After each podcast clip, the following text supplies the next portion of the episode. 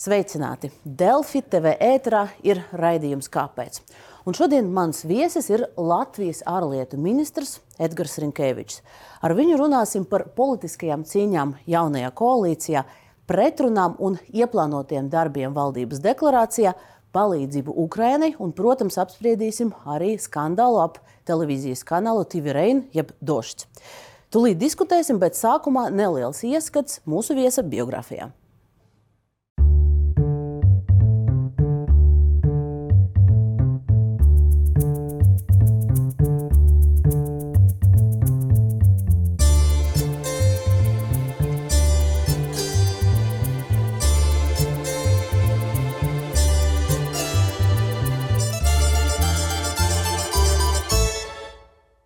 Edgars Rinkevičs Latvijas ārlietu ministra amatā strādā jau 11 gadus, un Latvijas neatkarības vēsture ir visilgāk amatā nostrādājušais ārlietu ministrs.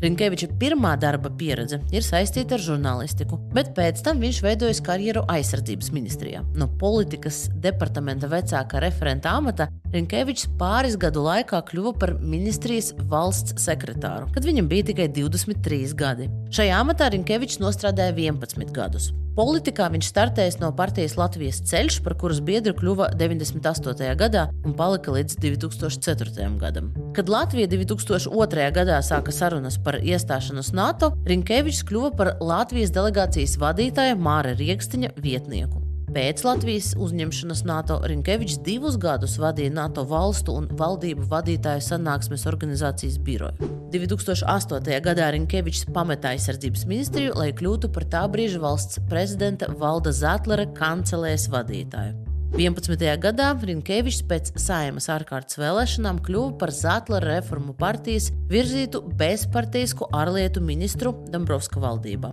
bet pāris mēnešus vēlāk arī kļuva par Zetlera reformu partijas biedru. Pēc ārkārtas vēlēšanām partija piedzīvoja strauju reitingu kritumu un 2013. gada nogalē vienojās 12. vēlēšanās startēt kopā ar partiju vienotību. Nedaudz vēlāk virkne reformu partijas biedru, tajā skaitā Rinkevičs, iestājās vienotībā. Kopš tā laika Rinkevičs, kā vienotības politiķis, savu amatu ir saglabājis arī Laimdotas Straujumas, Māra Kučinska un Krišēņa Kariņa valdībās. Edgars Rinkevičs, laipni lūgts, kāpēc raidījumā? Paldies, labdien! Es esmu pārliecināta, ka daudzi uh, skatītāji primāri vēlas dzirdēt jūsu viedokli par TVRN, jeb Dožģa uh, licences atsaukšanu, bet uh, mēs sāksim ar vakardienas, not aizvakardienas un vakardienas notikumiem. Ir sākusi strādāt uh, Krišņina Karaņa valdība. Jūs tikat apstiprināts kā ārlietu ministrs ar balsu vairākumu, un tad uh, par valdības darbu arī runāsim.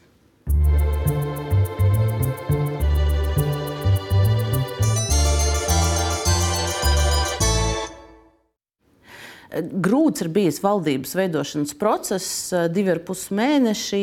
Kādi ir jūsu nu, politiski secinājumi pēc, nu, pēc šīs garas, garas procedūras? Nu, ziniet, viss ir jāsalīdzina. Un pirms četriem gadiem gāja vēl sarežģītāk un vēl grūtāk, jo mēs patiesībā sakot, par valdību runājām trīs ar pus mēnešus, un bija pat divi neveiksmīgi mēģinājumi. Tā kā varbūt no tāda viedokļa raugoties, nebija pats rakākais process, kādu es esmu redzējis vai pieredzējis. Bet secinājumi ir tādi. Pirmkārt, mēs redzam, ka šī saima un arī politiskie spēki un arī jaunais ministru kabinets, manuprāt, būs daudz spēcīgāki. Tādā ziņā, ka partijām ir daudz skaidrāka nostāja un apziņa, ko tās vēlās panākt. Tas varbūt arī bija viens no tiem uh, varbūt klupšanas akmeņiem, kāpēc vienu otru reizi gāja diezgan sarežģīti. Otra lieta - pilnīgi skaidrs, ka būs ļoti, ļoti sarežģīts budžeta veidošanas process. Vienas grūtības ir beigušās, bet nākamās sarunas ir priekšā. Un trešā lieta - es zinu, ka Latvijā ir pierasts sākt bērēt valdību, pirms tā ir vēl izveidota. Es pagaidām teiktu, ka mana pieredze saka, ka jo ilgāk un sarežģītāk veido valdību, jo tā ilgāk strādā. Redzēsim, vai šoreiz šis ticējums un šī prognoze piepildīsies. Bet jautājums ir, vai uh, arī valdības diskusijās mēs novērosim to pašu problēmu, kas bija uh, veidojot uh, koalīciju, proti uh, aiz, aiz slēgtām durvīm pa, tika no, panākta viena kaut kāda vienošanās, tad, uh, tad politiķi runā ar mēdījiem un izrādās, ka katrs ir kaut kā pa savam sapratis uh, notikušo. Uh, ļoti labs jautājums. Nebūs labas atbildes. Manuprāt, kas bija vismaz pirmā mēneša, oktobra saruna, nu, varbūt pat mazliet novembra sākuma problēma, bija tā, ka, nu, ja mēs jaunā vienotība un Nacionāla apvienība viens otru tomēr diezgan labi zinām, sadarbība ir bijusi ilgstoša. Tad uh, apvienotais saraksts, protams, ne mūs labi zināja, ne mēs arī labi zinājām uh, šo politisko apvienību. Tā vienkārši iemesla dēļ, ka daži politiķi zinām, daži nav. Ar valdību būs mazliet savādāk, jo šeit ir ne tikai uh, politisko partiju intereses, bet ir arī nozara intereses. Un es domāju, ka šeit ik pa brīdiņam mēs redzēsim mazliet savādāku dinamiku. Nu, es negribētu piekrist, ka es slēgtām durvīm sarunāju vienu, un pēc tam kaut kas cits tika sarunāts, izņemot vienu epizodi ar vienu raidījumu. Ja? Bet kopumā tajā brīdī, kad sākās tas, ko mēs dēvējam par kluso diplomātiju, sarunas sāka virzīties mazliet raitāk. Valdībā būs mazliet cita dinamika. Gan politiskā, gan nozara. Bet tajā posmā, kad tika piesaukta klusā diplomātija, šis bija posms, kad Krišņins Kariņš mazliet nogāja no tām sarunām, un jūs vairāk pieslēdzāties. Un tad arī parādījās ļoti aktīvi spekulācijas un baumas par to, ka jūs būtu tas eh, alternatīvais eh, sarunu vedējs un tad arī eh, premjerāmata kandidāts. Jautājums, vai šīs runas arī bija notikušas dzīvē? Ne. Nevienu brīdi neviens nav nebija, to minējis. Nebija, nu, teiksim, ziniet, kā parasti ir. Bieži vien uh, tu zini, ko par tevi runā pats pēdējais vienalga vai politikā, vai sadzīvē. Bet, eh, ja nopietni, eh, bija viens brīdis, kad mēs tiešām vienojāmies, ka mēs mēģināsim eh, piestrādāt pie jautājumiem, un tas bija pilnīgi saskaņots arī ar premjeru, kas ir varbūt jāpavirz uz priekšu, bet jaunās vienotības premjera kandidāts visu laiku bija viens, nekādas iekšpartijiskas diskusijas, lai gan daudz runāja par grupējumiem, no visādām lietām nekad nav bijušas. Uh, Mēs vienkārši vienojāmies, ka mēs mēģināsim noņemt kaut kādus jautājumus uh, tādā, kā es teicu, klusās diplomātijas kontekstā, bet nevienu brīdi mēs neesam runājuši par kaut kādām premjeru maiņām, ne iekšpartijiski, ne ar citām partijām. Bet nu, šīs signāls no apvienotā saraksta bija saņemts. Nu, publiski jau kaut kur tas skanēja. Man liekas, Jā, tas jau nebija bet, nekur arī. arī viņi, vai viņi kur... to bija izteikuši arī, arī nu, varbūt skaidrākā valodā aiz slēgtām durvīm? Aiz slēgtām durvīm kaut kādā brīdī varbūt es nezinu, pats klāt neesmu bijis šādas sarunas. Es pats neesmu dzirdējis, esmu dzirdējis vairāk šo publisko retoriku. Bet, ziniet, tam arī nebūtu bijusi nekāda nozīme, jo uh, Eh, kā jau teicu, eh, mūsu eh, partijas pozīcija bija skaidra brīdī, kad mēs pieteicām premjeru kandidātu pirms vēlēšanām, pēc vēlēšanām, un tas tika komunicēts. Tas, ka dažreiz politikā tiek specifiski raidīti signāli publiski, lai patestētu, lai pamēģinātu, varbūt paskatīties partneru reakciju sabiedrību. Tas ir normāli. Man nācās vēlreiz ietvītot skaidrāk vienā pirmdienas vakarā lai šīs baumas noņemtu, bet es domāju, ka tas iznākums, kāds mums šobrīd ir, ir pareizs. Es domāju, ka ministrs prezidents šobrīd ir ieskicējis darāmos darbus, ir apņēmības pilns vadīt koalīciju, un partneri to ir akceptējuši. Tāpēc, kā nu bija, kā nebija, vēl palasīsim memoāros pēc pāris gadiem, ja kādu vēl tas interesēs. Eh, bet, ja mēs runājam par, par, par to darbu un amatiem, vai eh, brīdī, kad notika šīs eh, sarunas, tika apspriestas apspriest arī citi amati, proti, gan prezidenta amats, gan Eiropas komisāra amats? Ne. Uh, šie amati netika apspriesti sarunās. Pilnīgi noteikti. Vismaz tajās sarunās, kurās es esmu bijis. Man arī ir bijuši kaut kādi komandējumi, bet cik es zinu no pārējiem kolēģiem, uh, Manuprāt, te ir jāsaprot divas lietas. Pirmā lieta - valsts prezidenta vēlēšanas ir nākamā gada maija plus mīnus saskaņā ar likumu. Ja. Sākotnēji mums vēl ir, mums faktiski bija divi jautājumi - valdības sastādīšana un budžets, kas būs tagad tas jautājums. Eirokomisāra jautājums vispār mazliet man likās dīvains, jo uh, Eiropas parlamenta vēlēšanas ir 2014. gada maija, un komisija strādā līdz 24. Es atvainojos, 24. gada maija un 24. gada nogalī, tad, kad sanāk komisija. Mēs tradicionāli esam gājuši pēc principa, ka vismaz ar Valdu Dombrovski, ka arī komisāra kandidāts ir piedalījies Eiropas parlamentu vēlēšanās.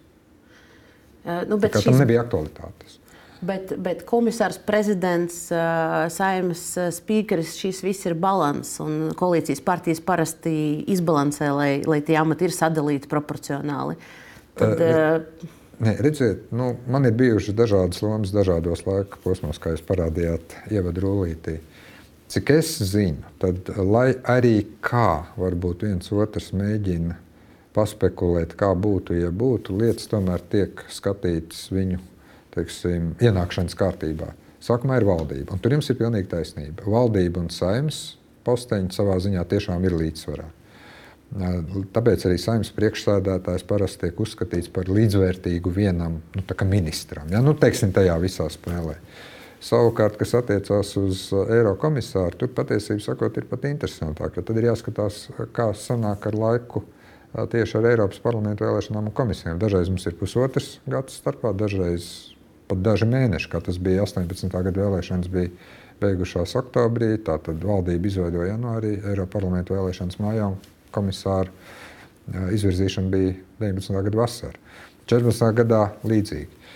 Līdz ar to komisāra jautājums faktiski valdības sarunās vispār netika skatīts. Absolūti nekādā veidā. Un prezidenta jautājums arī ne. Un divu iemeslu dēļ. Pirmkārt, mums nav skaidrs, ko domā darīt esošais prezidents. Viņš vēl nav pateicis savu viedokli. Ir izskanējuši dažādi viedokļi publiskā telpā. Pirms vēlēšanām atbalstīs, neatbalstīs. Ja esošais prezidents lems uh, kandidēt uz otru termiņu. Un otra lieta, līdz galam vēl nu, nebija skaidrs arī viss šis uh, gan valdības sastāvs, gan, uh, es atceros, oktobrī bija diskusija, vai tas galds būs uz trim vai četrām kājām tā tālāk. Tā kā, Bet par šo jautājumu es domāju, jo mēs vairāk tuvojamies mājām, jo aktīvāk diskusijas sāksies ne tikai politiķi, bet arī sabiedrības. Jūsuprāt, esošais prezidents ir jāatbalsta, ja viņš vēlēsies turpināt? Nu, es teiktu, tā tradicionāli atbilde vienmēr ir pašam prezidentam. Ir jāpasaka, vai viņš ir gatavs vai nē. Es varu tikai teikt no sava viedokļa, kā ārlietu ministrs. Es esmu sadarbojies ar, nu, jau jāsaka, šis ir trešais mans prezidents ārlietu ministra amatā. Pirms tam, protams, es biju kancelejas vadītājs un arī strādājot aizsardzības ministrijā. Faktiski es esmu strādājis ar visiem valsts prezidentiem no neatkarības atjaunošanas brīža. Es gribētu teikt, ka ārpolitiski viņš savu lomu pilda labi. Es gribu teikt, ka viņa komunikācija sevišķi par starptautiskajām tiesībām, sevišķi par starptautiskā tribunāla izveidi, arī citiem jautājumiem tiek ļoti labi uztvērta. Es domāju, ka lielā mērā tā būs diskusija. Manuprāt, būtu labi, ja mēs varētu kā koalīcija vienoties par atbalstu vienam kandidātam, bet te būs divi priekšnoteikumi. Pirmais - pašam jāpasaka uh, savus lēmumus, kandidēt vai nē. Un otrs ir jāsaprot, vai ir atbalsts saimā. Nu, šobrīd tie publiskie signāli ir ļoti, ļoti dažādi. Uh, runājot vēl par amatiem, uh, un, un mēs apspriedām to Eiropas komisāra amatu, uh, jūs teicat, ka ir pāragri par šo runāt, bet vai jūs redzat sevi šajā amatā? Es sevi redzu šobrīd ārlietu ministra amatā. Es eh, teikšu godīgi, man pašlaik eh, ir gana daudz ko darīt. Man kādreiz kolēģi ir jautājuši, vai neapnīk. Es teikšu, varbūt Latvijas politika ir viens līmenis, bet tas, kas notiek šobrīd pasaulē un Eiropā, nu, neliek sūdzēties par garlaicību. Tad, tad drīzāk nē. Es šobrīd domāju, ka tam nav uh, liels aktualitātes. Pirmkārt, Valdis Dombrovskis izcili pilda savus pienākumus. Ko viņš lems darīt pēc pusotra gada, tas ir mm, labs jautājums. Bet, ja viņš teiksim, vēlētos turpināt, es domāju, ka ņemot vērā viņa pieredzi, zināšanas un arī ietekmi Eiropā. No labāku kandidātu par viņu mēs neatradīsim. Bet tas būs atkal viņa lēmums. Jo, redziet, jūs jautājat man, bet būtu jāsāk ar tiem, kas ir šobrīd amatos. Nu, jūs esat studijā, tāpēc mēs jau arī uh, gribam zināt jūsu, saprāt, jūsu jā. viedokļus par visu. Bet drusku atgriežoties pie prezidenta amata, uh, Levita kungs iepriekš ir teicis uh, otrādi, ka sākumā, uh, ka viņš, iz, ka, viņš, ka viņš ir gatavs iet, uh, tad, ja viņam būs vairākuma atbalsts saimā, tad ir jāsaprot. Nu, Kurš, kurš būs pirmais? Nu, tas ir tas jautājums, kas ir pirmais, ola vai vista savā ziņā. Jo no vienas puses, lai sāktu pie, pie, pie pirmās ievēlēšanas, bet nu, var saprot. secināt, ka šis. Uh... Bet redz, uh, lai saprastu, vai ir atbalsts, ir jāpasaka, vai tu gribi. Nu, tas ir loģiski. Uh, bet, lai partijas sāktu diskutēt nopietni par kandidātiem, ir jāsaprot, kāda ir esošā prezidenta nostāja. Es domāju, ka kaut kādā brīdī šī saruna būs. Viņa nebūs līdz Ziemassvētkiem, viņa nebūs līdz jaunajam gadam, bet es domāju, ka vienā brīdī arī valsts prezidents, uh, un es arī esmu redzējis, kā tas parasti ir noticis. Atceramies vēsturi. Gan uh, Zatlerkungs, gan Bērziņkungs, gan Vējoņkungs kaut kad, nu, teiksim, martā, aprīlī vienmēr bija pateikuši, vai kandidēs vai nekandidēs. Tas nu, nav līdz galam, protams, garantējis teiksim, vismaz uh, vienā gadījumā pārvēlēšanu, bet vismaz teiksim, tas uh, publiskais skaļais signāls parasti ir pavasarī. Vai pirms tam notiks kaut kādas konsultācijas? Uh, es nemelošu, es domāju, ka notiks konsultācijas, bet viņas notiks drīzāk tuvāk jau nākamā gada, nu, teiksim, februārī, martā nu, tādu pavisam skaidru nostāju par, par, par Levita kandidatūru iespējamo, tad, tad nu, mēs, mēs, es, es nevarēšu no Dabūt, jums, no no jums Nē, saņemt. Redziet, jā, bet... mēs, mēs, neesam, mēs neesam, protams, šobrīd frakcijā par šo jautājumu runājuši. Tas ir viens. Un, protams, ka tie ir parlamenta deputāti, kas balsos. Pirms vēlēšanām mēs esam, bija vairākas aptaujas teikuši, ja kandidēs, bet tas bija pirms vēlēšanām tad eh, mēs esam gatavi, protams, arī atbalstīt. Bija, ir aptauja un tā tālāk. Taču šobrīd tā situācija ir tāda, ka mums ir bijusi laba sadarbība ar valsts prezidentu, man tīri profesionālā ziņā. Uh, ir, protams, partijas, kuras uh, ir viņu kritizējušas. Tāpēc es teiktu, tā, šobrīd uh, ir trīs lietas, kam ir jāsastājās savā vietā. Pirmā - paša viedoklis, viņa paša viedoklis, jā vai nē. Otra lieta - izpratne, vai būs atbalsts. Un trešais, protams, tomēr arī, nu, kā viņš redz, teiksim, ja viņš kandidēs un ir šis atbalsts uh, savu otro termiņu, kas ir tās prioritātes un jautājumi, par kuriem vēl nav runāts.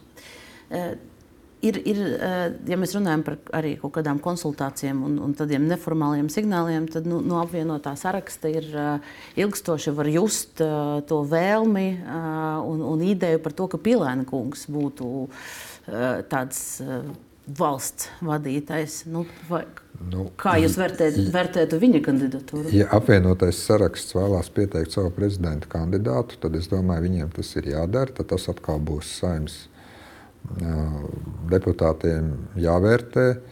Par prezidentu ar viņiem mēs neesam runājuši.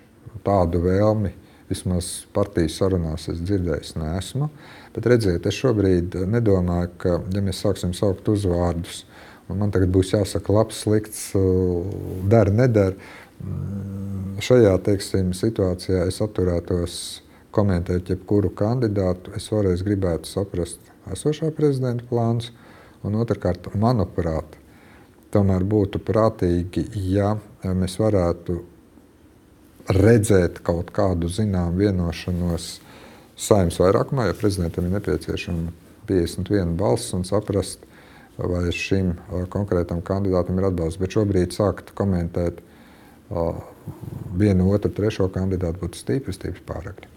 Ok, labi, sapratām, bet turpinot par Ulu Pilēnu, viens, viens no jautājumiem, kas arī šajā diskusijā, šajā studijā bija ļoti karsta diskusija starp apvienotā saraksta pārstāvjiem un, un, jūsu, un jūsu politiskā spēka pārstāvjiem par to, kāda tad varētu būt Pilēna kunga loma jau tad, kad valdība tiks sastādīta, valdība ir iebalsota un gatava.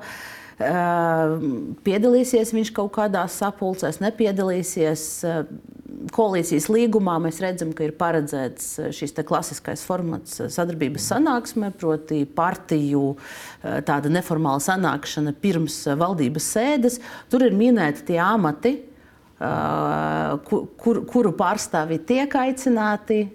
Pilēna kungs tur neietilpst, bet atkal minēts, ka sadarbības partneru aicinātas personas var tikt, tikt tur iekšā tad kā mums šo jāsaprot? Būs pīlēns, tieši tā nebūs? ir jāsaprot, ka ir pamatsastāvs noteikts.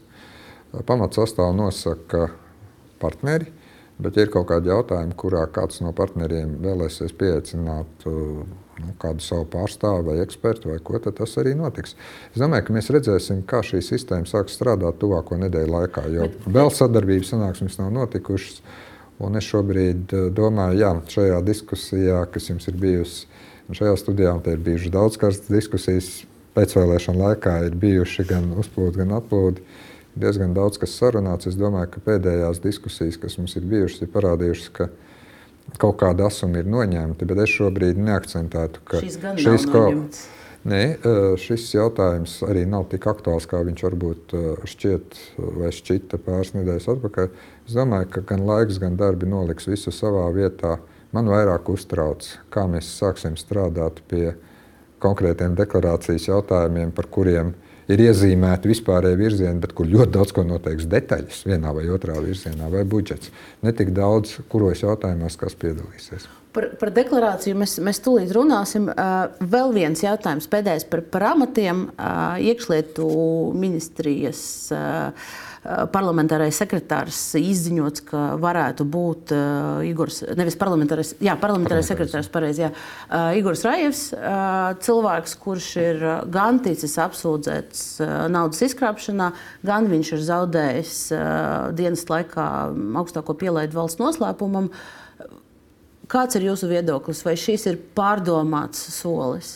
Parlamentārā sekretāra iecelšana ir absolūti ministra atbildība. Un arī parlamentāram sekretāram darbus nosaka lielā mērā ministrs pats. Bet jūs varat vērtēt šo soli, ņemot vērā šo pagātni? Redziet, es Rajo kungu pazīstu arī no aizsardzības ministrijas laikiem. Es zinu, ka tas ir tiešām profesionāls virsnieks. Tās lietas, par kurām mēs runājam, pielaidēm un pārējiem jautājumiem, tas notika jau, kad es nestrādāju, es nezinu detaļas. Bet es domāju, ka šāda veida iecelšanas iekšlietu ministram nu, būs jāvērtē gan protams, no šī politiskā viedokļa, un jāsniedz skaidrs pamatojums, kāpēc viņš ieceļ to vai citu cilvēku. Es domāju, tur ir zināma loģika tajā, ka viņi vēlās redzēt kādu, kam ir pieredze aizsardzības ministrijā, lai stiprinātu šo saikni starp, starp iekšlietu un aizsardzības ministrijām. Un otra lieta, tad vēl ir jautājums nu, arī par šīm pielaidēm. Būs, nebūs, un to var pateikt tikai valsts drošības iestādes. Bet šis nu, būtu jāpamato un jāskaidro, protams, ministram, nu, kurš šāds lēmums. Ministrs ir pamatojis tieši tāpat, ka Raivs ir uh, profesionāls jautājums uh, nu, par. Uh, par valsts tēlu, jo iekšlietu ministrija esošais apstākļos arī ir ļoti svarīga. Tā ir, tā ir daļa no, no valsts aizsardzības valsts sistēmas un valsts drošības sistēmas. Jā, plašāks. Tieši tāpēc es domāju, ka šajos jautājumos, ja tā ir tikai saikne starp parlamentu, kur parlamentārais sekretārs aizstāv ministrijas likuma projektus, nu tā ir viena lieta. Ja tas ir kaut kas plašāks, tad tur ir jāskatās, teiksim, vai tur jau ir kaut kādas arī sasaistes ar valsts noslēpumu, bet šajā gadījumā, redziet, eh, ministri paši lem par savu biroju un par savu parlamentāro sekretāru, paši uzņemās atbildību un paši arī, protams, to tālāk komunicē. Un es domāju, ka zinot Kučinska kungu, nu, viņš ir izvērtējis visus riskus un arī ieguvumus un nonācis pie tāda lēmuma, pie kāda viņš ir nonācis. Beig beigās es ar viņu esmu strādājis kā ar priekšnieku. Viņš ir bijis mans ministrs prezidents, un es zinu, ka viņš parasti lēmumus pieņem ļoti, ļoti rūpīgi, analizējot un izvērtējot visus aspektus. Bet no reputācijas ziņas? Arī par reputācijas riskiem būs jāsniedz atbilde tam, kas ieceļ un tam, kas strādā. Nu, labi, runājot par, par, par deklarāciju, mēs jau pieskaramies tam, ka tā tika izveidota 328, ja nemaldos, punkti. Daudz kas tur ir iekļauts, bet daudzas lietas atkal ir atrunāts, ka tās tur nav. Un, un viena no tādām skaļākajām ir nelaulāto dzīvesbiedru tiesības. Vakar saima 14. nolēma neparņemt uh, likumprojektu, kas nodrošina kaut kādas nu, minimālas tiesības. Uh, No otras puses, deklarācijā atkal ir frāze, un es nocitēšu, nodrošināsim vienam aizsaimniecībā kopīgi dzīvojošo cilvēku tiesību un interesu aizsardzību, neatkarīgi no dzimuma un vecuma. Tad jūs varat varbūt paskaidrot, tad būs šī aizsardzība, nebūs, un ja būs, tad kādā formā? Tas ir tiešām ļoti labs jautājums. Ziniet, Es arī vakar ierakstīju Twitterī, tad, kad notika šīs diskusijas uh, saimā, ka, manuprāt, nu, diemžēl šis jautājums ir uh, kļuvis par tādu absolūti ideoloģisku, bezmazliet bioloģisku jautājumu, lai gan pēc būtības tas ir absolūti juridisks jautājums. Runa ir tiešām, un es nekad neesmu slēpis, ka es esmu iestājies par uh, vienalga vienzimuma vai abu dzimumu nelaulātu, nereģistrētu pāru tiesību aizsardzību. Bet tas nav tikai par mantojumu, tas ir arī par ārstniecības likumu, kur tev ir tiesības uzzināt par savu tuvākā veselības stāvokli. Pašlaik likums aizliedz ārstiem sniegt informāciju. Turpat ir interešu konflikta likums, jo mēs varam dzīvot kopā un es varu pieņemt lēmumus Um, par labu jūsu kompānijai vai jums, uh, neraugoties uz interešu konfliktu likumu, tāpēc, ka mēs neesam reģistrēti. Likuma priekšā mēs esam absolūti tīri un tā tālāk. Un arī tagad, šobrīd tagad, esošajā tagad, situācijā, tagad mēs, ņemot vērā saima sastāvu. Tagad mēs nonākam pie tā, kādas bija diskusijas, un diskusijas par šo jautājumu bija. Bija faktiski jau oktobrī un novembrī. Uh, jā, mums partneri teica, ka viņi civilās savienības likuma projektu pašreizējā redakcijā kā vienu likumu neatbalstīs, bet ir gatavi strādāt pie konkrētiem regulējumiem, konkrētos likumos. Tāpēc es arī sāku uzskaitīt šos likumus, jo, manuprāt, šis ir sarežģītāks ceļš. Bet, ja mēs varam vienoties, un man nav svarīgi, kā to sauc, civilā savienība, dzīves biedri, partnerība, bet ja mēs varam vienoties, ka kopā dzīvojoši cilvēki, neatkarīgi no kā tur ir ierakstīts dzimumu, baudīs uh, līdzīgu tiesisko aizsardzību gan civil likuma, gan ārstniecības, gan krimināla likuma vai citu likumu izpratnē. Un, ja mēs varam vienoties, ka mēs šos likumus grozīsim, tas būs ne ideāls, bet noteikti plats solis uz priekšu, tiešām, lai šo nodrošinātu. Par šo ierakstu bija diezgan plaša diskusijas, es pats biju klāt. Un vienošanās bija, ka uh, šobrīd tādā gadījumā uh, šos jautājumus risinās grozot attiecīgi viss likums. Vai tas piepildīsies? Es domāju, ka tuvāko mēnešu laikā mēs redzēsim, bet es zinu, ka Tieslietu ministri ir apņēmības pilni pie šī strādāt. Es pilnīgi noteikti esmu gatavs atbalstīt šādu risinājumu, ja cits pašlaik politisku un ideoloģisku un kādu citu iemeslu dēļ nav iespējams. Bet es gribētu redzēt šajā jautājumā progresu, un plinti krūmās mēs noteikti nedrīkstam mest. Bet vai jūs varat apgalvot, ka visus šos uh, turpmākos četrus gadus jaunā vienotība būs uh, šis virzītais spēks, kurš neatlaidīgi pie tā strādās? Un pie katra kaut kāda klupšanas akmeņa vai noraidījuma atkal cels šo jautājumu gaisā. Jā, tas ir mūsu programmā.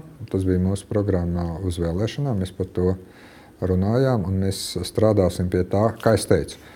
Ja mēs redzam, ka mēs nevaram uh, vienoties un saimnes vairākums to neatbalsta par uh, Viena likuma izstrāde labi, ejam šo neideālo ceļu, e, iestrādājam šīs normas dažādos likumos, bet e, tāpēc es arī esmu vienmēr teicis, mans galvenais uzsvars ir bijis uz to, ka šis ir juridisks jautājums, ka viņš ir jāsakārto un jaunā vienotība. Es domāju, šeit mums ir arī, jūs zināt, ka mums sadarbības līgumā ir ierakstīts izņēmums šajā gadījumā. Šis ja? ir izņēmums, un šis ir izņēmums ka mēs meklēsim sabiedrotos saimā. Tuvākie sabiedrotie, protams, mums šajā ziņā ir progresīvi. Ja runāsim ar citām partijām, un jā, mēs strādāsim uz to, lai šo jautājumu neideāli, bet tomēr mēģinātu sakārtot, tad jau redzēsim, kā mainīsies sabiedrības viedoklis. Jo, ziniet, ja par to daudz runā un viņi tomēr skaidro, Mēs labi esam redzējuši, ka dažas lietas, kas ir neiespējamas gadu gadiem, tomēr vienā brīdī kļūst iespējamas. Es esmu piesardzīgi optimistisks, lai gan es redzu arī tās grūtības, ka tomēr būs soļi uz priekšu.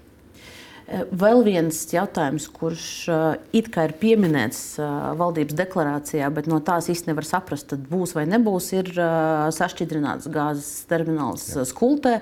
Jo nu, es skatītājiem varbūt īsi nocitēšu, tur no vienas puses deklarācija ir minēts, ka Eh, izveidot sašķidrinātas dabasgāzes terminālu skultē, un no otras puses, atkal tajā pašā teikumā ir teikts, ka izvērtēsim perspektīvu no ekonomiskajiem un drošības aspektiem. Būs vai nebūs? Tieši tā arī ir, ka pēc būtības uh, bija partneris šajās sarunās, kas tomēr vēlējās iepazīties ar viņu plašāku ekonomisko pamatojumu pirms gala lēmumu pieņemšanas. Un tāpēc teiksim, tā virzība ir atstāta uz to, ka mūsu ieskatā, es domāju, jaunās vienotības ieskatā, mums pašiem terminālim ir jābūt, bet tāpat lēmumu nepieņem koalīcija kā koalīcija, bet pieņem ministru kabinets kā satversmē noteikts varas institūts, ka pēc tam, kad Jāsaka, mums te ir vēl papildus tas faktors, ka mums ir arī klimata un enerģētikas ministrija. Tad klimata un enerģētikas ministrija atnāk ar šo savu analīzi, vērtējumu un iesniedz visus, gan biznesa, gan pārējos apsvērumus, tad gala lēmums tiek pieņemts. Bet mēs uzskatām, ka tomēr par šo lēmumu būs jādiskutē. Mēs atbalstītu šādu terminālu, bet ņemot vērā, ka tajā brīdī kolēģiem likās, ka viņiem nepietiek informācijas un faktu, nu, tad šis jautājums tiks diskutēts valdībā brīdī, kad būs attiecīgais ziņojums. Nu, no, no, no, ja mēs runājam par apvienoto sarakstu, tā ir, tas ir tas politiskais spēks, kurš ir ļoti kritisks viņi pret šo projektu. Teikuši, jā. jā, un viņi arī gan pirms vēlēšanām, gan arī uh, valdības veidošanas procesā Nu, eh, jūs tā ļoti diplomātiski, protams, pasakāt, ka, ka viņiem nepietika informācijas. Dargajos, bet, nu, šī deklarācija ir viens diplomātijas, kā lai saka, mākslas darbs, jo daudzās vietās tiešām diskusijas ir bijušas ļoti asas un ir dažas lietas, kas ir atliktas uz, uz tālākām diskusijām. Nu, bet, bet realitāte, tas, ko mēs redzējām, ka apvienotais saraksts ir ļoti nu, tā, nu, diezgan stingri pret šo projektu. Tur, tur minēts, da, minēt dažādi argumenti, un Saulkrastu pašvaldību mēs neaizmirsīsim, arī ir partijai, kas ietilpst apvienotajā sarakstā un jau ir izteikusies pret to. Nu, vai jūs esat pārliecināti, ka, lai kādus argumentus galdā neliktu, ka, ka beigās tur būs tas jāvārds no viņu puses, vai tā vienkārši ir laika nu, pavadīšana? Redziet, eh, no vienas puses ir tā, ka nu, valdības veidošanai ir divi posmi. Viens, kad cilvēkiem vēl nav šo atbildību, nav konkrētu ministriju, nav brīžiem iespējas iepazīties ar kaut kādām lietām, kam ir kaut kāda klasifikācija, ierobežot pieejamību, biznesa interešu dēļ vai dienestu vajadzībām. Otra lieta, ka tu jau esi nonācis tajā valdībā, ka tev ir pieejama visa informācija un ka tu vari izvērtēt varbūt lietas, kuras arī rakstot diezgan plašu deklarāciju, neatliek laika. Tāpēc es teiktu, tā, es šobrīd nesteigtos ar apgalvojumu, ka kāds ir kategoriski pret un pilnībā nekas nav iespējams. Es domāju, ka nu, tuvāko nedēļu, mēnešu laikā, tad, kad par šo jautājumu diskutēs, tad mēs redzēsim gala pozīciju. Bet tāpēc arī jā, savā ziņā šis ieraksts ir samērā diplomātisks, jo mēs uzskatām, ka bez savu terminālu mēs netiksim galā. Jautājums, protams, ir arī par ļoti būtisku jautājumu, piemēram, kas ir tie nosacījumi. Jo arī iepriekšējā valdībā diskutējot, mēs nonācām pie daudziem jautājumiem, piemēram, valsts iesaisti. Vai to būvē privātais, vai tomēr to būvē kāda no valsts kompānijām? Tie ir jau jaunā vienotība izteicās, ka, jā, jā, jā. ka valsts iesaistē nav jābūt. Bet jā, jā, jā, šis ir steidzams. Šie bija, šie bija jautājumi jau iepriekšējā koalīcijā, kur arī bija dažādi viedokļi. Bet jums šobrīd ir kaut kādas, uh, angļuiski sakot, deadlines, kad, uh, kad šis nonāks? Jo šis ir steidzams jautājums. Tas, šis jautājums jau pirms gada bija steidzams. Uh, kaut kādi termiņi, kas ir ierakstīti deklarācijā, nav. Bet es domāju, ka labi, mums ir tagad zināms ieskriešanās posms ministriem. Es domāju, ka tuvāko divu, trīs mēnešu laikā galējumam ir jābūt. Tas nav pa vēlu? Nu, ziniet, ko nozīmē par vēlu? Tas termināls neparādīsies nākamgad. Nākamā sezona ir diezgan kritiska. Runa pat septembrī bija par to, ka pats ātrākais, kad šis termināls var sākt funkcionēt, bet, nu, protams, iedosim atlaidi arī uz kaut kādām būvniecības lietām, būtu 2024. gads. Es domāju, ka divi, trīs mēneši šobrīd fundamentāli neko nemainīs, bet pēc diviem, trim mēnešiem mums ir jābūt skaidram lēmumam, jā vai nē, tur gan. Un pie šī grafika, vai e, jūsuprāt, tas 24. gads joprojām ir uh, realistisks? Protams, ka tad viņš nedaudz pārbīdās. 25. Tad? Un tad, e, ja mēs runājam par 24. gada otro pusi, tad visticamāk par attiecīgo laika posmu viņš pārbīdīsies. Tas ir, protams, loģiski. Uh, Vēl viena lieta no, no deklarācijas, kas, kas mūsu uzmanību piesaistīja arī no ārlietu sadaļas, tur ir minēts, ka mēs kā valsts iestāsimies un kā valdība iestāsimies par nepieciešamību veikt plašas reformas ANO apvienoto nāciju organizācijā. Tad kas tieši ar šo ir, ir domāts? Iepriekš bija tas nepiepildījušas runas par Krievijas izslēgšanu no drošības padomus, vai te ir kaut kas cits? Krievijas izslēgšana no drošības padomus ir iespējama ar divu trešdaļu ANO dalību valstu balsojumu, un visām piecām pastāvīgajām dalību valstīm ir jābalso par. Tas nozīmē, ieskaitot Krieviju. Nu, tad mēs saprotam, ka tas ir runa šajā jautājums. punktā. Runa ir par ANO drošības padomus paplašināšanu ar pastāvīgajiem un nepastāvīgajiem locekļiem, ilgstoša diskusija. Otra lieta runa ir par to, ka tomēr ir jāliedz valstīm piemērota veto tur, kur notiek atklāts genocīds un noziegumi. Tā ir otra lieta. Mēs jau labu laiku ar līdzīgi domājušām valstīm pie tā strādājam, bet, protams, ka šis process, ņemot vērā to, ka konstrukcija ir tāda, ka piecām dalību valstīm ir veto tiesības, diezgan švaki iet uz priekšu. Trešā lieta, kas faktiski savā ziņā ir saistīta, nu, ANO drošības padomē, tomēr, diemžēl, ir situācijas, kur kāda valsts, sevišķi no piecām pastāvīgajām ANO dalību valstīm ar veto tiesībām, veic kaut kādas darbības, kas ir pretrunā ar statūtiem, un, protams, ka nobloķē pēc tam jebkādu rīcību. Nu, šādos gadījumos tomēr kaut kāda atturēšanās būtu vajadzīga. Tas, ko mēs redzam paplašināšanās kontekstā, mēs redzam tomēr, ka situācija kopš 1945. gada, kad tika izveidota ANO, ir mainījusies. Un drošības padomu šobrīd neatspoguļo pasauli, kāda ir 21. gadsimta. Tā kā vairāk valstis no Āzijas, no Latvijas, no Eiropas un varbūt arī gan pastāvīgās, gan nepastāvīgās valstis arī ar veto tiesībām būtu tas ceļš uz priekšu. Nu, bet, lai, lai mainītu šo sistēmu, kā jūs aprakstījāt, arī vajag, eh, es pieņēmu, Protams. šo, šo vairāk, šo, šīs Protams. divas trešdaļas. Tāpēc, tas ir realistiski. Tāpēc tas ir darbs, eh, kurā mēs ar daudzām valstīm strādājam. Eh, cik tas ir realistiski, tas, protams, pašreizējā situācijā nav sasniedzams gada vai divu laikā. Tas nenozīmē, ka par to nevajag strādāt, nevajag veidot plašāku koalīciju nevajag uz to spiest. Jo īstenībā ir viena interesanta nianses notikusi. Šobrīd, pēc tam, kad kāda no ANO drošības padomus pastāvīgām valstīm ir uzlikusi veto, rezolūcija automātiski nonāk ANO ģenerālajā asamblējā, kur tad notiek visu valstu balsojums. Tā jau ir zināma izmaiņa, ko daudz nav pamanījuši. Tas parāda, ka arvien vairāk ANO dalību valsts nav apmierināts ar to, sistēmu, kāda šobrīd funkcionē. Bet šis ir ļoti garš ceļš, bet tas nenozīmē, ka šai valdībai nevajadzētu strādāt ar citām valdībām, lai mēģinātu vismaz diskutēt un panākt vismaz pakāpenisku domāšanas maiņu. Nu, izklausās, ka šīm visām izmaiņām īstenībā ir nepieciešams, nepieciešama, nepieciešamas režīma izmaiņas Krievijā. Tikai tad to visu varēs panākt. Es pat domāju, ka arī ar to var nepietikt, jo negluži pat lai kādi liberāļi vai neliberāļi būtu pie varas, tik ļoti gribētos atteikties no tās privilēģijas, kas tev ir faktiski. Nu, uzlikt veto vai, vai, vai strādāt pie šiem jautājumiem. Tur ir īstenībā jārunā par daudz plašāku vienprātības veidošanu, nu, vairāk nekā divās trešdaļās ANO dalību valstis. Es teiktu, tas būs, tas būs vairāk šis starptautiskās sabiedrības spiediens jāorganizē nekā jāskatās uz vienu vai otru valsti. Mēs pietuvojamies arī Krievijai un, un karam kā tematam, tad, tad arī runāsim par nu, šo visu, protams, kas saistīta un no tā izrietoša skandāla ap, ap televīzijas kanālu Dožģis. Sākumā mēs noklausīsimies nelielu fragment. Nu, šī frāze, kas Dožģis kanālā izskanēja 1. decembrī, ja nemaldos, un tā kļuva par to tādu katalizatoru visiem notikumiem ap licences atņemšanu.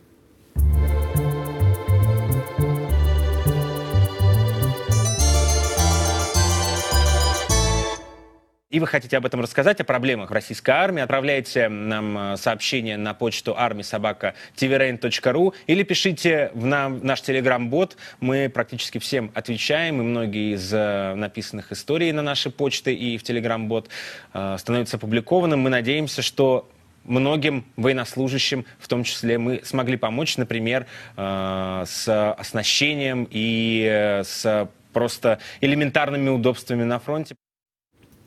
Nu, lūk, šāda bija frāze. Uh, Vai jūs diezgan mazrunīgs bijāt gan pie, pēc, pēc, pēc šīs frāzes izskanē, pēc tam, kad šī frāze izskanēja, gan arī pēc Nepalpa lēmuma atsaukt apraides tiesības te, televīzijas kanālam? Vai jūs esat gatavs tagad izpaust, nu, vai jūsuprāt, Dožs bija jāzaudē apraides atļauja? Nu, pirmkārt, nav tā, ka es biju mazrunīgs. Es tajā pašā dienā sniedzu komentāru gan Latvijā, gan TV3, gan Nova bija plašāka intervija vienam no mūsu internetu laikrakstiem, kur es diezgan skaidri norādīju to pozīciju, ka šis ir absolūti nepieņemami. Un tā nav pārteikšanās, lai kā to mēģinātu teikt. Mēs esam bijuši žurnālistikā, jūs strādājat žurnālistikā, un es esmu gadu strādājis. Es zinu, kas ir pārteikšanās, un es zinu, kas ir teksts. Tāpēc tas bija pilnīgi nepieņemami. Tāpēc arī mums ir institūcijas, kas šo vērtē gan Nepals, gan valsts drošības dienests. Es personīgi uzskatu, ka ņemot vērā, ka padomi ir neatkarīga un tās lēmumi ir arī apstrīdami tiesā, ka nav korekti politiķiem sākt norādīt, ko un kā lemt vai nelemt. Un tādi arī viedokļi ir bijuši. Bet ir jārespektē šīs padomas lēmums. Man jāsaka, ka uh, padoma balstījās gan uz valsts drošības apsvērumiem, gan arī uz iepriekšējiem pārkāpumiem. Manuprāt, ka viskorektākais šobrīd būtu, ja, protams, pati šī telestacija pārsūta šo lēmumu, sagaidīt tiesas lēmumu. Jo šeit šī situācija ir ārkārtīgi sarežģīta. No vienas puses mēs runājam par to, ka mēs esam kara apstākļos. Un tas, ko mēs dzirdējām šajā izteikumā, tomēr ir agresora armijas faktiski gan morāls, gan iespējams Nē, esmu dzirdējis, ka kāds būtu atklājis faktisku atbalstu. Tas ir no otras puses. Mēs arī šeit runājam par ļoti vāro vārda brīvību. Un šādos gadījumos uh, viskvalificētāko gala lēmumu var teikt tikai un vienīgi tiesa. Uh, bet uh, daļai Latvijas sabiedrības palika šis iespējas, uh, ka valsts drošības dienestam uh, ir eh, šis pārbaudas kaut kādi slepeni rezultāti, un ka tajos slepenajos rezultātos sabiedrībai nepieejama informācija. Tur ir kaut kas, uz kā Nepalpa padome balstīja savu lēmumu. Šis tā skaidri netika pateikts. Jautājums, vai jums ir informācija, vai ārpus izskanējušiem argumentiem par pārkāpumiem, par kārti ar Krīmu, kas tiek iezīmēta kā Krievijas sastāvdaļa, par tur dažādiem, nu, tur vairāk bija tie pārkāpumi, un tad šis kā pēdējais, vai tur bija vēl kaut kas, par ko mēs publiski nezinām? Es neesmu iepazinies ar valsts drošības dienas atzinumu, kas ir nosūtīts padomē. Tas parasti ir tā saucamais nu, nepieciešamības zināt princips. Es, protams, regulāri saņemu valsts drošības iestāžu informāciju kopumā par, par notikumiem valstī. Un es vēlreiz gribētu teikt, ka šis ir tas gadījums. Un kā, kā tas ir faktiski teiksim, vērtējams? Mums ir situācija, kur mēs no 24. februāra faktiski atrodamies nu, kara situācijā Eiropā. Mēs neesam karojoša valsts, bet mēs pilnīgi noteikti atbalstam Ukraiņu. Šāda veida izteikumi jāsaka gan, ka daudzi ir palaiduši garām varbūt to, ka šis konkrētais žurnālists jau nebija Latvijā un neraidīja no Latvijas. Tas notika no Grūzijas studijas. Tātad, tas gan jāņem vērā, arī diskutējot. Tātad mēs esam nonākuši pie tā, ka ir bijušas situācijas, un manuprāt, ka vienīgais, kas tiešām varēs izvērtēt samērīgumu pašlaik starp valsts drošību un vārdu brīvību, būs tiesa. Ko es vēl gribētu gan pieminēt? Tas nenozīmē, ka šī licences atņemšana uzreiz automātiski nozīmē, ka žurnālisti tiek izraidīti vai kaut kādā veidā tālāk represēti. Mums šeit strādā ļoti daudz Krievijas žurnālisti. Pēc maniem datiem šobrīd tie ir 200. Uh, mēs esam izsnieguši 257 vīzes. Ja? Tur gan liela daļa ir arī rietumu redakcijas žurnālisti. Jāsaka, ka mums ir bijusi arī pieredze piemēram ar Medūzu no 2014. gada Faktiski šāda veida situācijas nav bijušas, bet nu, ar vienu uh, žurnālistu redakciju tāda situācija ir. Tā šeit būtu arī pavērtējama tā situācija no tā, vai um, teiksim, tiešām nu, šeit ir bijusi varbūt vēl nespēja saprast, ka ir mainījusies ļoti radikāla situācija kopš viņa aizgāja no Krievijas ar viņu pašu pašidentifikāciju, kas viņi vēlās būt Krievijas mēdījis, Latvijas mēdījis vai kas cits. Šī situācija, protams, ir neordināra. Vai jūs joprojām personīgi uzskatāt, ka Došs ir uh, neatkarīgs opozīcijas mēdījis Krievijas kontekstā? Manuprāt, tas tiešām ir bijis pietiekami neatkarīgs un opozīcijas mēdījis. Bet es domāju, ka tā lielā problēma ir, ka arī Latvijā ir opozīcija, kura varbūt ir pret, pretēji noskaņot pret daudz ko dara valdība, bet, piemēram, ārpolitikas jautājumos pilnībā atbalsta valdības kursu. Un šeit tas jautājums, kas tiešām parādās, ir no lielā mērā ne tikai vai tu esi pret Putinu, bet arī jautājums, kā tu vērtē karu, kā tu vērtē, piemēram, situāciju ar mobilizētajiem. Un es domāju, ka ļoti daudziem Krievijas pilsoņiem, ne tikai žurnālistiem, tie, kas ir opozīcijā, viņiem dažreiz varbūt ir arī grūti novilkt uh, nu, šīs jaunās robežas. Vai tu esi pret Putinu. Un, piemēram, jautājums, kam pieder Krīma, ir atklāts.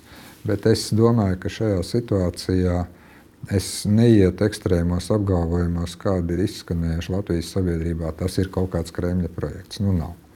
Bet es arī neietu teikt, ka tur viss ir pilnīgi teiksim, nevainīgi. Es domāju, ka tur ir noteikti nopietnas identitātes problēmas arī. Latvijas ārlietu ministrija, nu, pie, jūs, jums martā bija izteikums, ka, ka jūs atkārtojāt Latvijas gatavību uzņemt vajātos Krievijas žurnālistus un palīdzēt viņiem, cik vien iespējams, te. Jautājums, vai tādā aicinot viņus, un var noprast, ka Latvija diezgan aktīvi strādāja pie tā, lai Došs atnāktu. Viņi tika aicināti, arī Aboliņa kungs no padomas par šo runāja. Uh, Mēs viņus vilinājām uz šejieni. Šis, šis bija, būsim precīzi. Tāda situācija, kad mēs esam palīdzējuši un atbalstījuši gan Baltkrievijas žurnālistus pēc 20. gada, gan Krievijas žurnālistus, tā ir jau ilgstoša politika, faktiski no 2014. gada. Tad brīdī, kad tika slēgti daudzi gan reģionāli, gan rietumu mēdīji, gan arī šie, mēs teicām, ka jā, mēs dosim visu un atbalstīsim. To mēs esam darījuši. Šajā gadījumā patiesībā sakot, vēl tika izsniegta to nepilns darīja Latvijas apraides un arī faktiski Eiropas apraides licence, bet mēs arī vienmēr esam teikuši, ka ir Latvijas likumi, kuri, protams, visiem ir jāievēro. Šis atbalsts, ko sniedz ārlietu ministrija, ir pilnībā saskaņā ar to politiku, kāda mums ir bijusi. Tostarp arī tā ir kopēja Eiropas Savienības un mūsu sabiedroto politika. Bet tā pašā laikā nu, es gribētu teikt, ka laikam mums ir jāsaprot, ka jebkuras valsts likumi ir jāpilda. Es tomēr būtu ļoti, ļoti uzmanīgs, sakot, vilināja, nevilināja šī politika. Es tobrīd uzskatīju, ka tas ir pareizi. Es arī tagad uzskatu, ka šī politika ir bijusi pareiza. Bet mēs esam arī saskārušies ar situāciju, kur nu, mēs redzējām, ka faktiski ir arī likuma pārkāpumi. Un Nepils ir reaģējis tajā tiesību apjomā, kāds tam ir, bet tajā pašā laikā šie cilvēki šobrīd vēl arī darbojās. Arī Aboliņa kungs ir teicis, ka nekas viņiem neļauj strādāt tajos parametros, kādos viņi var strādāt, izņemot, protams, apraides licences ietvaros. Kā, manuprāt, no šāda viedokļa raugoties, nu, vilināja, nevilināja, tas bija un ir bijis mūsu pamatpolitikas uzstādījums, ka tie, kas ir vajāti, tie saņem vīzas. Tie bija saņēmuši un saņem arī atbalstu no attiecīgām nevalstiskajām organizācijām. Un arī žurnālisti, kas šeit strādā, viņi var turpināt strādāt, ievērojot likumus. Šobrīd uh, Latvija joprojām izsniedz uh, humanās vīzas uh, Krievijas iedzīvotājiem. Jautājums, vai šajā kategorijā ietilpst tagad žurnālisti? Šobrīd vīzu izsniegšana ir stipri ierobežota. Man nav pagaidām tādu datu, ka pēdējā laikā daudz žurnālistu būtu prasījuši vīzes vairāk. Jautājums ne par skaitu, bet e, vēlreiz, kopumā vēlreiz, šī, šī ir, ir šī pieeja, ka žurnālistus, kas piesakās un saka, ka man ir vājā Krievija, vai mēs viņam izsniedzam ja kā valsts? Pam, jebkurš cilvēks, kurš var pamatot, ka viņš tiek vajāts, vai žurnālists, vai, piemēram, kāds cits, viņš var atnākt uz vēstniecību un viņa pieteikums tiek izskatīts. Pieeja šobrīd ir diezgan ierobežota. Īsnībā nu, man te ir dati, ka kopš kara sākuma viss kopējais vīzu skaits, ko mēs esam izsnieguši, ir 1530, kas ir faktiski gan humanās, gan nu, teiksim, neatraidāmās vīzas, teiksim, slimību vai kaut kādos citos gadījumos. Bet man nav datu pēdējā laikā, vismaz, ka kāds žurnālists būtu prasījis vīzu faktiski. Tā kā Pēc maniem datiem šobrīd, ko man ir sniedzis konsulārais departaments, eh, šobrīd ir izsniegts 257 vīzes tieši žurnālistiem. Pēdējā laikā tādu nav. Es gan arī domāju, ka tur ir mazliet jāskatās, ka tā izbraukšana bija ļoti lielā mērā saistīta ar kara pirmajām nedēļām, mēnešiem, kad tā vajāšana sākās. Es domāju, ka tagad jau tā mediju vide nosacīta Krievijā ir pilnībā pārveidota. Uh diskusijās ap, ap, ap Tīviņu jeb Došķu viena no, viens no argumentiem, kas ir izskanējis, ir tāda starptautiski arī tāda zināmā, nu, tas tika sauc par glievulību no, no Latvijas valsts puses, jo no vienas puses mēs vēršamies kā valsts pret, pret Došķu. No otras puses, Kremļa un Putina draugi te darbojās. Un, arī atgādināts mums tika nesen par Mahmudovu un Bokarevu, diviem Putinam ļoti tuviem oligarhiem, kuri arī ir piegādājuši daudz ko Krievijas aizsardzības ministrija. Viņam šobrīd ir 100% no Rīgas elektromašīnu būvas rūpnīcas. Jautājums, nu, vai šī vai te nav saskatāma pretruna starp mūsu valsts pozīciju, Nē, nu, pozīcijām šajos divos jautājumos? Ziniet, pirmkārt, šie cilvēki gan nav sankciju sarakstā. Es esmu speciāli palūdzis informāciju no drošības iestādēm. Kas tur konkrēti notiek? Jo šāda informācija. Bet kāpēc, kāpēc viņi nav sankciju sarakstā, vai mēs esam lūguši, lai viņi tur būtu? Tātad vēlreiz, es esmu lūdzis drošības iestāžu informāciju par šiem konkrētajiem pilsoņiem, jo viņi mūsu radarā, ārlietu ministrijas radarā, Eiropas Savienības sankciju radarā nebija. Un, ja būs pamats tiešām tieši tā, ja būs pamats uh, tam, kas ir dzirdēts, ka viņiem šeit ir kaut kāda uzņēmuma un ka viņi tiešām atbalsta karu, tad neapšaubām šis jautājums par viņu iekļaušanu sankciju sarakstā tiks rosināts. Tāpēc, manuprāt, šeit gan ir viena. Es jūs pārtraukšu, jo uh, apvienotās karalistes sankciju sarakstā viņa nav. Un Viņi ir apvienotās karalistes sarakstā, un, viņi ir. Un Eiropas Tad... Savienības, es vēlreiz jautāju, diskusija par šiem personāžiem vispār saskaņā ar manā rīcībā esošu informāciju, tajās darba grupās, kas gatavo sankciju paketes, nav bijusi. Tā informācija, ko es esmu lūdzis, tiešām ir nevis tas, ko raksta varbūt presa, bet man ir vajadzīgi juridiski pierādāmi, konkrēti fakti, jo padomu pieņem lēmumus ne tikai politiski, bet arī juridiski. Bet, ziniet, tas, kas gan man nav pieņemami, um, šī te, mazliet tomēr arī divkosīgā situācija, ka no vienas puses mēs ceļam vienu otru jautājumu tikai tad, kad vieni ir pārkāpuši likumus, un tad par otriem mēģinām rādīt pats muļķis līmenī. Latvijas televīzija par šiem diviem kungiem runāja jau pavasarī. 18. gadā viņi tika iekļauti ASV, uh, Putinam tuvo cilvēku sarakstā. Uh, Mēs sen par viņiem visu zinām. Un savukārt Eiropas Savienības diskusijas nav bijušas. Es tātad, kā jau es teicu, esmu palūdzis papildus informāciju. Mums nav nekāda problēma rosināt, visticamāk, jau tā būs desmitā pakete viņa ielikšana, ja tā būs pamatota. Bet ir milzīga atšķirība starp to, kā strādā Eiropas Savienība un citas valstis. Ja mūsu gadījumā Eiropas Savienības padomus lēmumi ir apstrīdami Eiropas Savienības tiesā, to ir vesela rinda cilvēku izdarījuši. Tur ir jābūt ne tikai politiskiem, bet arī juridiskiem argumentiem.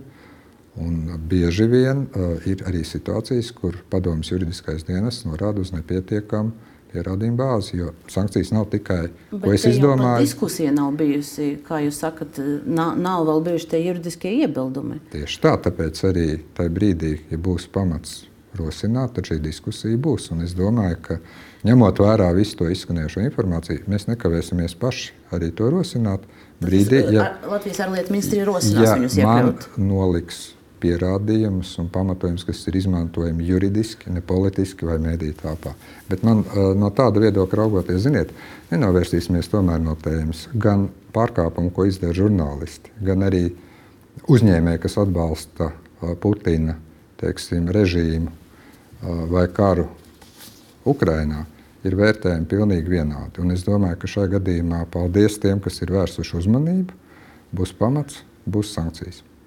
Bet piegādes Krievijas aizsardzības ministrijai, un es atgādināšu, ka par šiem diviem kungiem ir arī gan Spānijas, gan Vācijas tiesās ir, ir, ir, ir krimināllietu materiālos, viņi figurē kā cilvēki, kas atmazgā Krievijas mafijas naudu. Tādā gadījumā viņiem būtu jau jāsēž šajās tiesās un jābūt notiesājušiem spriedumiem. Bet vēlreiz es saku, mēs šobrīd novirzamies gan no tēmas. Es tomēr nedomāju, ka ir korekti runāt par to, ko attiecīgi dara viens vai otrs pilsonis, kuram te varbūt ir īpašumi Vēlreiz paldies, aktīvs tiem, kas, biznes, paldies tiem, kas ir vērsuši uzmanību. Tas ir pirmām kārtām jautājums tomēr iestādēm, kuras vāc informāciju. Ārlietu ministrijai nav tādu spēju, bet ārlietu ministrija pilnīgi noteikti nekavēsies nākt ar jauniem piedāvājumiem, paplašināt sankcijas. Redzēsim, starp citu, kurš Eiropas Savienībā varbūt vēl metīsies vienu, otru vai trešu aizstāvēt. Arī tādas situācijas ir bijušas. Bet kas attiecās uz šo konkrēto situāciju, ar gļēvolību vai, vai divkosību. Nē, Latvijas valsts rīkojās maksimāli atbalstot Ukraiņu un maksimāli tomēr cīnoties pret tiem, kas atbalsta karu. Vienalga verbāli, kā televīzijas studijā, faktiski. Līdz ar to tiklīdz es saņemšu informāciju, kas ir izmantojama diskusijās, tā būs uzdevums pārstāvniecībai rīkoties un rosināt nākamajā sankciju kārtā likt to citu vai trešo pilsoni. Mēs esam to darījuši, un mēs to darīsim. Kā tas varētu notikt? Jūs varat tagad noteikt eh, kaut kādu laika grafiku, līdz kuram mēnesim, datumam, gadam Nāka, jūs vērtēsiet? Nākamā sankcija kārta būs nākamā gada agrs pavasaris. Es domāju, tie ir arī tuvākie kaut kur divi, trīs mēneši, kad mēs ķersimies pie desmitās paketes. Nu, tad līdz tam laikam jūs vērtēsiet un piedāvāsiet. Nevis ne? es vērtēšu, Dragiļevs kundze, bet es gaidu informāciju no kompetentām iestādēm. Nu, iestāžu informāciju Tieši jūs tā. vērtēsiet.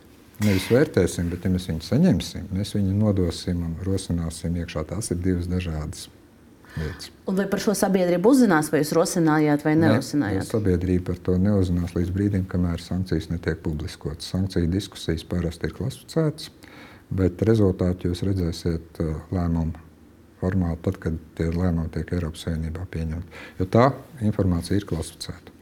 Eh, ļoti īsi par vēl vienu uh, Putina nu, tuvu sabiedro, sabiedroto Mazepina kungu, kuram uh, Latvijā pieder gan, uh, gan termināls, gan, uh, gan uh, šobrīd uh, mūsu ūdeņos atrodas kuģis ar minerālu mēslu kravu ļoti apjomīgu, kas pieder uh, viņu uzņēmumam. Uh, vai mēs esam pavirzījušies kaut kur tuvāk tam, ka šī krava, kā jau tika mēdījos pateikts, tiks noziedota ANO un dosies uz Āfriku. Bet lūdzu īsi, jo man vēl ir daži jautājumi. Nu šobrīd, ir, ir kaut kas konkrēts noticis. Nu šobrīd ir valdības lēmums un šobrīd notiek inspekcijas. Eh, man ir aptuveni skaidrs arī, uz kuru valsti tā būs Āfrikas valsts šī krava varētu doties. Uz kuru? Eh, tad, kad ANO ģenerālsekretārs par to paziņos, tad uzzināsim. Tā ir Āfrikas valsts bet uh, pašlaik es nevaru vēl precīzi iezīmēt datumus, kad notiks konkrētā krāva nogāde. Tas ir loģistikas jautājums, ko risina ANO ne Latvijas valsts. Datumu nē, bet uh, Vēlreiz. mēnesi, gada laiku. Ties, nu, ne mēnesi, ne gadu. Tas ir ANO jautājums, kuru viņi mēģina šobrīd atrisināt tīri praktiski no loģistikas viedokļa. Bet te ir viens svarīgs aspekts, jo man jāatcaucās uz kolēģi Latvijas televīzijas de facto izpētīto. Viņi, viņi atzīmēja to, ka šis Mazepina uzņēmums, kuram šī, šī krava pieder, viņš ir reģistrēts Maurīcijā un arī Āfrikas kontinentā darbojas. Kā mm, vairumtirdzniecību, ar vairumtirdzniecību viņi nodarbojas tur un pārpakotās kravas pārdot uh, uh, lauksaimniekiem. Jautājums, vai mēs varam šobrīd būt pārliecināti par to, ka tur, otrā pusē, Āfrikā, nebūs mazepins, kas atkal šo kravu paņems un nopelnīs eh, ar izplatīšanu. Tā ir ANO atbildība. Eh, pilnā apmērā nodot šo kravu attiecīgai valstī un nodrošināt, ka šī krava netiek tālāk pārdota, bet nonāk nu, attiecīgi lauksaimniecības vajadzībām. Tā ir absolūti uh, un pilnīgi atbildība. Un īstenībā Eiropas komisijas nu, tā, atļauja uh, veikt šādu transakciju ir saistīta tikai ar to, ka neviens no īpašniekiem vai sankcionētiem uzņēmumiem nesaņem nekāda veida materiālu teiksim, iegūmu vai ko. Bet es varu teikt, ka tā nebūs Maurīcija, ja mēs runājam par valstīm. Nu, strādā, strādā šis uzņēmums daudzās Āfrikas bet tā valstīs. Tiešām ir ANO atbildība pārņemt šo kravu, nodot konkrētai valstī un nodrošināt, ka uh, tā nonāk pie lietotāja, nevis vēl tālāk pārdota. Pie šī jautājuma man ir jāatvadās no RTV skatītājiem. Tur mūsu laiks ir beidzies, bet Delfi TV studijā mēs turpināsim vēl dažas minūtes. Paldies RTV skatītājiem! Un vēl mazliet, dažas minūtes mums ir par palīdzību Ukrainai, gan no Latvijas puses, gan kopumā.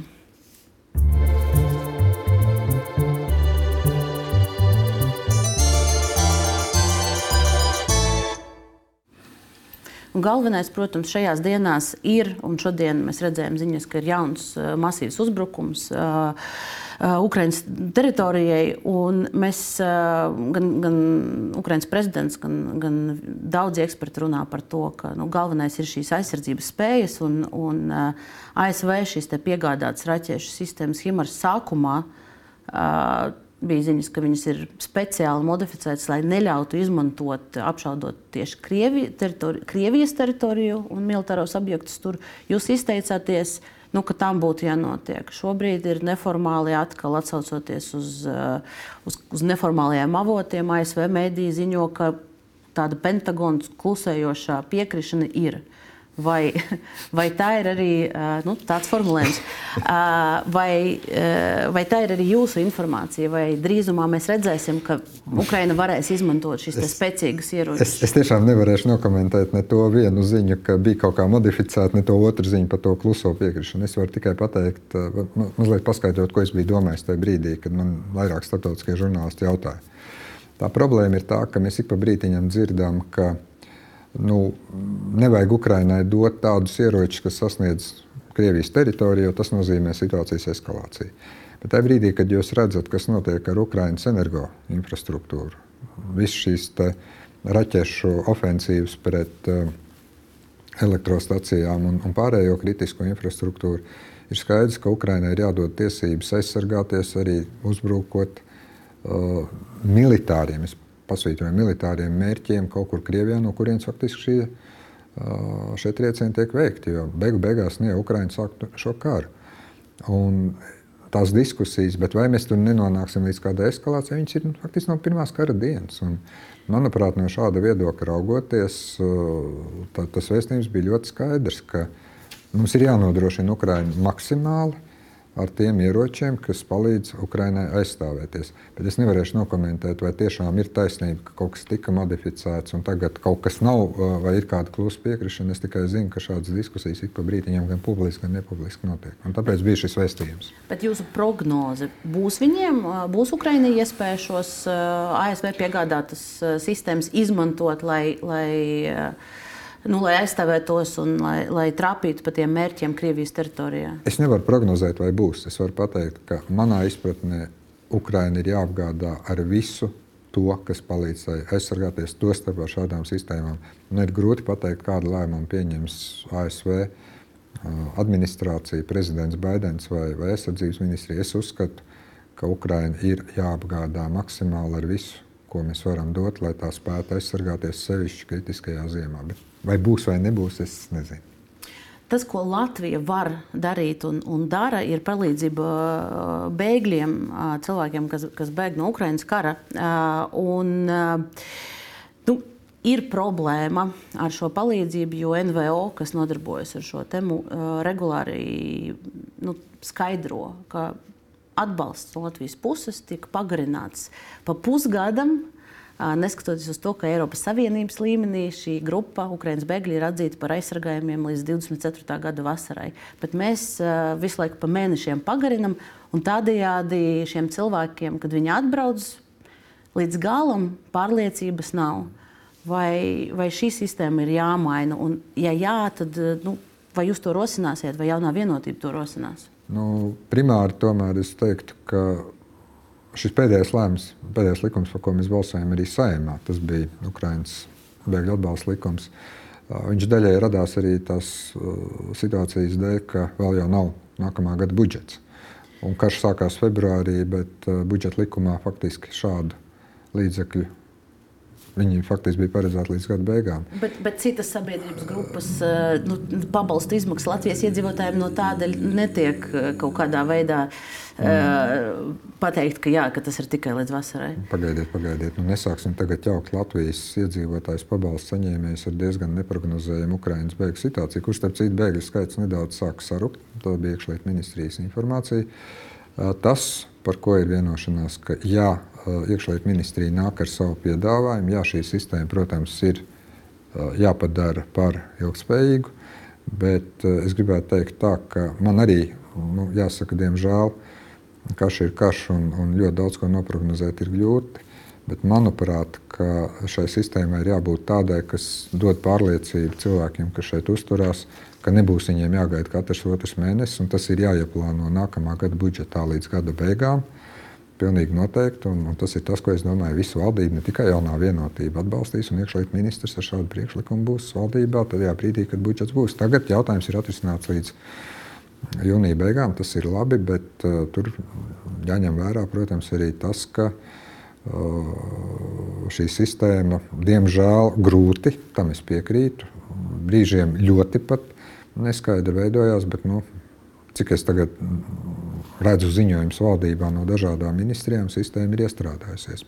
Bet šai sistēmai ir jābūt tagad ilgspējīgai un viņai ir jābūt nu, līdz brīdim, kad cerams ātrāk nekā vēlāk kaža beigsies un cilvēki varēs atgriezties mājās. Jautājums, vai mums var būt likums, kas pasaka, ka līdz kara beigām mēs nodrošinām visas šīs lietas bēgļiem? Mēs varam pateikt noteiktus jautājumus, kas ir budžetā plānojami. Tur ir noteikti savs termiņš, bet es domāju, ka tas likums jau ko konkrēti katrs saņem, nosaka. Mums tagad ir vienkārši jāieplāno līdzekļi normāli viena budžeta gada ietvaros, nevis nemitīgi kaut kur jāņem. Kas. Ar visu to mēs vēl nezinām, protams, kā situācija ziemā attīstīsies, vai nebūs plašāks plosums vai nē. Bet principā es pilnīgi piekrītu tam, ka uh, tagad tai sistēmai ir jābūt tādai, kas pasaka, ka šī sistēma darbojās līdz brīdim, kad nu, karš beigsies un cilvēki dosies mājās. Kā tas būs tīri birokrātiski, formāli likumā sarakstīts, tā ir jābūt tikai birokrāta, bet ne Ukraiņas cilvēku problēmai, kas šeit dzīvo. Tas nu gan ir fakts. Tam es pilnīgi piekrītu. Ar šo, ar šo mēs arī šo sarunu noslēgsim. Paldies jums par Paldies. mums veltīto laiku. Daudz, daudz jautājumu palika vēl man neuzdoti, bet vēl. aicināsim noteikti vēl. Paldies skatītājiem. Atgādināšu, ka mūsu raidījums ir klausāms arī audio formātā, podkastos, Apple un Spotify platformās. Ja esat palaiduši garām, tad tur var noklausīties. Paldies ārlietu ministram, paldies skatītājiem. Tiekamies pēc nedēļas. Studijā būs Latvijas valsts prezidents Egils Levits.